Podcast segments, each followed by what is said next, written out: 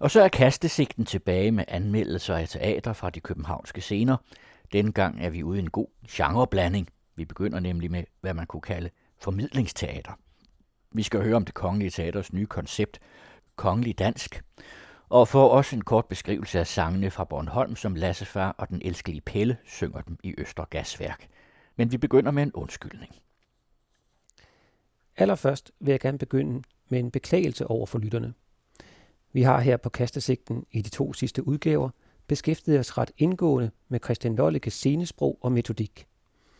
Det var stykkerne Revolution på sort-hvid og Aladdin på det kongelige, der var anledningen, men desværre havde jeg ikke gjort min research ordentligt. Ikke ret lang tid efter sidste udsendelse opdagede jeg, om ikke til min skræk, så i hvert fald ærgelse, at jeg havde været uopmærksom på, at der ved denne teatersæsons begyndelse faktisk var kommet et stort teaterfagligt værk om netop Lollekes scenesprog og metode. Det er lidt flovt, og jeg burde selvfølgelig have orienteret mig i bogen, inden jeg begyndte på at udbrede mine egne fortolkninger. Nu vel, bogen om Christian Lolleke hedder Scenekunst på kanten, er skrevet af Begitte Dam, kant med i teatervidenskab, og er udkommet på forlaget Frydenlund. Jeg vil ikke her anmelde eller referere fra bogens interessante vinkler og analyser af Lollekes virke. Mange ligger ikke, synes jeg, så frygteligt fjern fra det, der er blevet sagt her i programmet.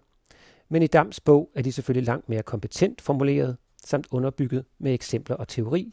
For eksempel bliver begrebet posttraumatisk teater brugt flittigt.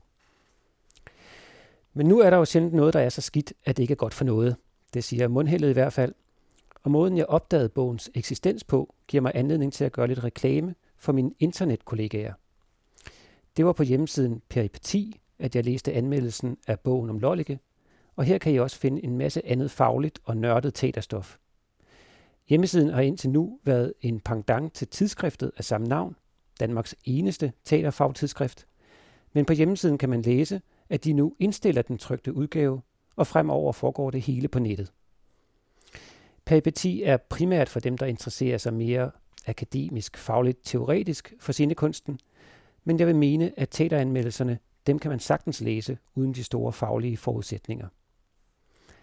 En anden teaterhjemmeside, jeg besøger en gang imellem, er Ung Teaterblod, som navnet antyder en platform for den yngre generation af scenekunstnere.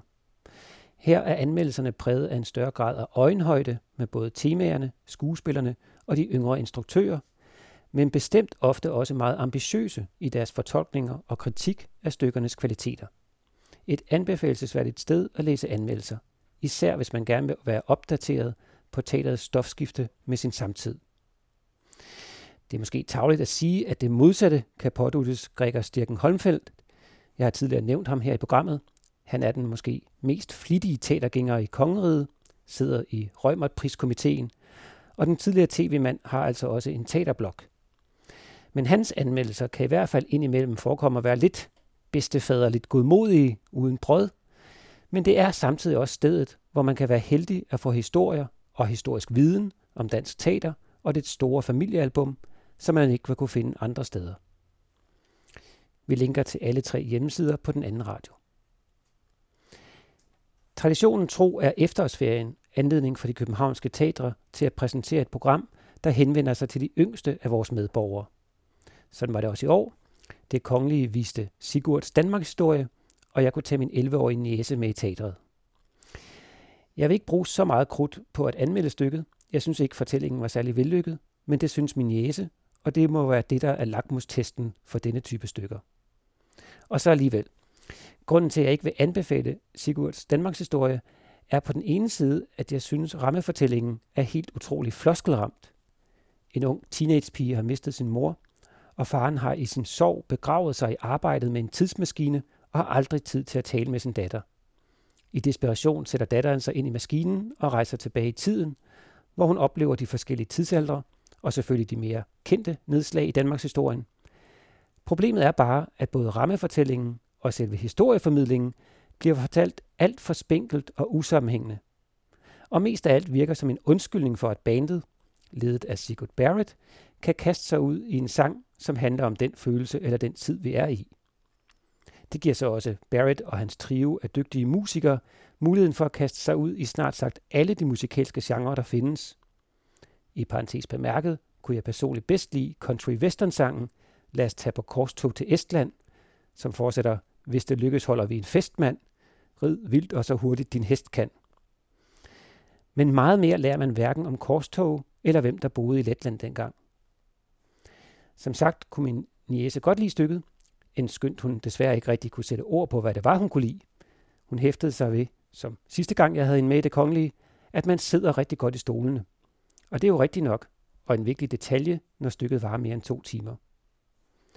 Sigurds Danmarks historie er et sympatisk projekt, men fejler i mine voksne øjne ved at være for spraglet tv-underholdningsagtigt og med for meget melodrama i rammefortællingen.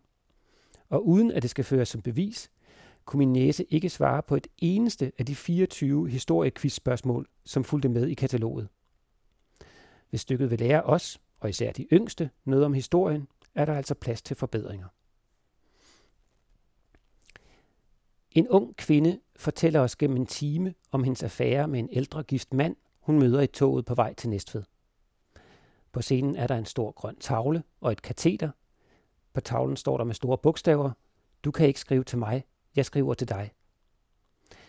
Afløst af små situationer på gymnasiet, hvor hun begynder som ny lærer, og hendes søsters bryllupsplaner, er det kærligheds- og identitetskvalerne, der står i forgrunden. Lyder det spinkelt? Stykket Nye Rejsende på det kongelige er mere end vellykket. Det benytter for det første med stor poetisk originalitet rejsen som metafor. Den klassiske dannelsesroman, hvor helten rejser ud i verden, fra Weimar til Dresden, Wien, Firenze og Rom, er her omplantet til pendleriet mellem København, Høje Tostrup, Ringsted og Næstved. Denne understrøm af at blive sig selv gennem en dannelsesrejse, der møder nedlagte midtsjællandske stationer, fungerer rigtig godt. Ja, fremragende, synes jeg. Undervejs på turen ses billeder og drømmesyn af en rig lyrisk natur, som alle er forfriskende åbne for selvfortolkning og balancerer fint mellem potente dybsindigheder og tilfældige associationer. Man bliver aldrig helt klog på, om den navnløse kvinde, som er stykkets hovedperson, er begavet med stor selvbevidsthed, eller om vi alle er fanget i hendes virkelighedsfjerne drømmerier. Teksten rumler og leger med denne mangetydighed, er kvinden i stykket usikker og umoden, og en, der, det aner man lejlighedsvist, er nem at få til at gøre, hvad manden, hun har en affære med, vil. Med andre ord, et ikke videre dueligt eller viljefast menneske, der driver ind og ud af mere eller mindre kiksede situationer. Eller, for så er der alle disse potente observationer, disse poetiske, syrligt selvbevidste tanker, vi bliver delagtiggjort i. Som de tusind øjne, der jagter hende fra dramalærerens påfuglekjole, der selvom der ikke bliver sagt et eneste ord mere om denne dramalærer, formår at vække et billede, der passer så fint til alle de dramalærere, man har mødt på sin vej. Disse ordbilleder, disse drømmeagtige virkeligheder, der indimellem får selskab af, om man så at sige, rigtige drømmesekvenser, der har surrealistiske afslutninger, har stor suggestiv kraft. Fordi de bliver til i et associationsrum, hvor vi alle i en eller anden forstand kan genkende os selv. Tina Hø, forfatteren bag romanen, der ligger til grund for stykket, og som selv har haft mere end én finger med i opsætningen, har med stor litterær modenhed givet det spinkle plot i nye rejsende, liv, sjæl og ikke mindst en prosa-poetisk underbevidsthed. Lad mig give et eksempel. En tilbagevendende fornemmelse hos den navnløse kvinde er følelsen af ikke at have substans. Hun føler sig med sine egne ord som en dis. Uden at det forklares eller kommenteres, får man selv fornemmelsen af, at dette billede også rækker ind i den måde, de elskende dyrker sex på. På toiletterne, i toget, i parken, på en byggeplads, hvor kvinden sågar får et stigmata, da hun rives hen over panden af pigtråden, der hegner pladsen ind. Men det er som om, at disen og byggepladsen smelter sammen i et samlet poetisk syn om at bygge sig selv op via et andet menneskes kærlighed, om ikke ærlighed. I hende og imellem skuespiller og publikum flimrer den konstante usikkerhed om, hvad manden vil. Udtrykt i den sætning, der står hen over åbningsscenen. Du kan ikke skrive til mig, jeg skriver til dig. Underforstået, hun er hans hemmelighed, ikke omvendt. Det kan måske virke plat, hvis man for ofte plastrer sine anmeldelser til med litterære citater fra berømte forfattere, men på den anden side er disse gamle mestre jo ofte i stand til at formulere en tanke eller tilstand, som vi kan genkende os selv i, og som måske ovenikøbet har evnen til at forløse eller konkretisere nogle forvirrede tanker, man bakser med. Selv samme dag, som jeg så forestillingen, havde jeg nemlig læst den følgende formulering hos den russiske forfatter Platonov i Paul Vads oversættelse. De bedste følelser i livet ligger i forståelsen af et andet menneske. Ligger i at dele et andet ukendt livs byrder og lykke, og i at forstå, at den kærlighed, der opstår gennem omfavnelser, kun bringer en barnlig, lyksalig glæde, og ikke bidrager til løsningen af problemet med at drage mennesker ind i det fælles livs mysterium. Citat slut. Og selvom nye rejsende ikke nødvendigvis indskriver sig i den litterære autofiktions dansk top, er der dog elementer af denne solipsistiske verdensopfattelse i stykket, der nok siger noget mere generelt om vores kultur i skærmens tidsalder. Og det forsvæver mig i den ånd, at citatet passer godt til kvinden i Nye Rejsende. Hun står uden for mysteriet. Hun er stafage i et andet liv. Hun kan, som der står på tavlen, ikke skrive til ham. Og omfavnelsens lyksalige glæde giver hende ikke forståelse. Måske tværtom. Sagt på en anden måde, på tværs af tid og kulturelle koder, er Platonovs formulering indlejret i nye rejsende. Længslen efter kropslig bekræftelse og samhørighed med et andet menneske over for selvbevidsthedens og identitetens smertefulde og modsætningsfyldte rebus. Her er hele dette menneskelige paradoks spændt ud mellem Ringsted og Næstved. Næstved. Ja, selv stednavnet Næstved får en poetisk kraft i stykket. Livet er nærved og Næstved. Det er dette psykologiske og sproglige register, der gør stykket så fremragende, synes jeg. I Nye Rejsende er vi vidne til det uforløste sug fra vakuumet af det fælles mysterium. Vi er med på rejsen mellem forelskelsen og dansklærerrollen, og undervejs er vi også biroller til søsterens bryllupsplaner med hendes næsten bitre pragmatisme. Og det hele ender som end også på kirkegården, hvor han endelig slår op med hende blandt de færøske gravstene. Johan Sau har instrueret, og det har han gjort godt, selvom jeg ikke er helt sikker på, at kvinden havde behøvet at slå så mange knuder på sig selv i løbet af den time stykket var. Det hele bindes sammen med stort nærvær og evne til at portrættere det ømme, famlende væsen, der fortæller os historien. Cecilia Gadborg Hø formår både at være det unge, usikre menneske, der underviser andre usikre mennesker, samtidig med, at hun viser en rig eftertænksomhed i observationerne. Måske er hun alligevel mere, end hun tror, hun er. Eller hun ved, at vi ved, at det hele ikke er så enkelt med os mennesker, at man bare kan sætte en etikette på hende. Hun er midt i at blive til, og forelskelsen er et øjeblik en station, hun er stanset ved, for så at rumle videre hen over Sjælland.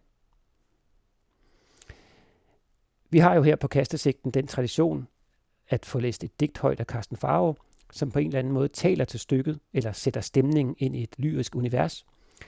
Og jeg forestiller mig, at hvis jeg mødte kvinden fra Nye Rejsende i regionaltoget og hørte hende fortælle disse oplevelser, så vil jeg gerne svare hende med lidt oppisket selvsikkerhed fra vers 52 i Walt Whitmans sange til mig selv. Den plettede hø jager forbi. Han klager over min snak og mit driveri. Også jeg er helt utæmmet. Også jeg er uoversættelig. Ud over verdens tage kæfter jeg op barbarisk. Dagens sidste vindstød holder tilbage for mig. Det kaster mit billede efter de andre, så sandt som noget i det skyggefyldte vildnis. Det overtaler mig til dampe og tusmørke. Jeg forsvinder som luft. Jeg ryster mine hvide lokker af den flygtede sol. Jeg udgyder mit kød i virvler og lader det drive mellem kniblingstakker. Jeg testamenterer mig selv til snavset, så jeg kan vokse op af mit elskede græs. Hvis du vil have mig igen, så kig efter under dine støvlesåler. Du vil næppe vide, hvem jeg er, eller hvad jeg betyder, men alligevel skal jeg bringe dig sundhed og filtrere og vibrere dit blod. Finder du mig ikke først, så vær ved godt mod. Går du fejl af mig et sted, så søg et andet sted.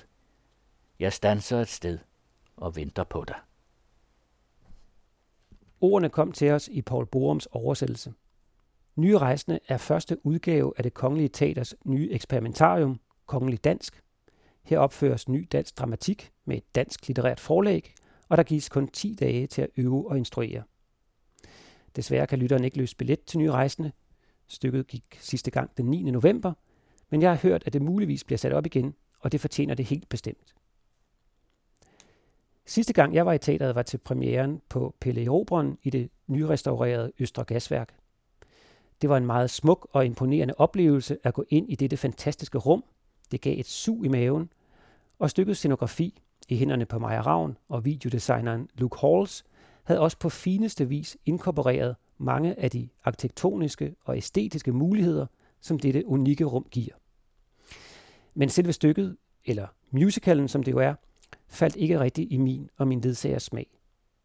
Vi var enige om, at der var en underlig mat, ligesom energiforladt mangel på drive i stykket. Det var som om, at der intet drama var. Og bortset fra en enkelt mindeværdig præstation af Kaja Bryl, løftede sangene sig heller ikke rigtigt. De lød ikke mundrette, som om de var lidt umelodisk oversat fra et andet sprog. Hvad det jo så også delvist er, kan man læse i kataloget. Nu vel, jeg er sikker på, at Pelle Robren nok skal finde sit publikum, men personligt ser jeg utålmodigt frem til at Lolleges Erasmus Montanus får repremiere i de flotte omgivelser først i det nye år. Og det er en god anledning til at give et vy over, hvad der sker på de københavnske teaterscener, samt at nævne en række kommende premiere. Jeg kommer nemlig ikke selv til at anmelde dem. Kastesigten drager til Wien for at lave en Wiener special til lytterne. Næste gang vi høres ved, er det med blandt andet Ejskylos, Schnitzler, O'Neill og Martin Krimp på programmet. I husets teater på Halmtorvet på Vesterbro i København kan man se Muleum, instrueret af Hans Rønne, der netop har modtaget Statens Kunstfonds livslange ydelse. Jeg har ikke set Muleum, og det er noget tid siden, jeg sidst har set et stykke instrueret af Rønne. Det var Som i himlen på Edison for et par sommer siden, og det var en fin forestilling. Så gå selv ind og se, om I synes, hederen er fortjent. Muleum går til 17. november. På Teater Sort-Hvid, ligeledes på Vesterbro, er der repremiere på Christian Lolleges hovedværk Living Dead den 17. november. Det er et af de mest bemærkelsesværdige danske teaterstykker i det nye årtusind, man her får chancen for at se eller gense. Gå ikke glip af den mulighed. Længere ude på Vesterbro kan man på teateret ved Sorte Hest se, eller rettere høre, en musikalsk hyldest til Monika Sætterlund. På Frederiksberg på Benny Nansen har man i Elisa Kravrups første sæson som leder derude kunne se Orlando. Et stykke, jeg ikke fik anmeldt, men det var heller ikke en forestilling, jeg, modsat mine kollegaer, var særlig begejstret for. Næste stykke er Tennessee Williams klassiker Kat på et varmt bliktag. Det er Madame Nielsen, der har nyoversat teksten, og Mina Johannesen, som fik en røgmåt som årets instruktør tilbage i 2013, der instruerer, og her er der også premiere den 17. november. På Teater Gro på Nørrebrogade er der premiere denne weekend, fredag den 9. november, på Dette er vand, med taglinen kan du have fornemmelsen af, at du er det eneste gode menneske tilbage i verden? Stykket er inspireret af et essay af den amerikanske forfatter David Foster Wallace og bearbejdet af Anna Bro.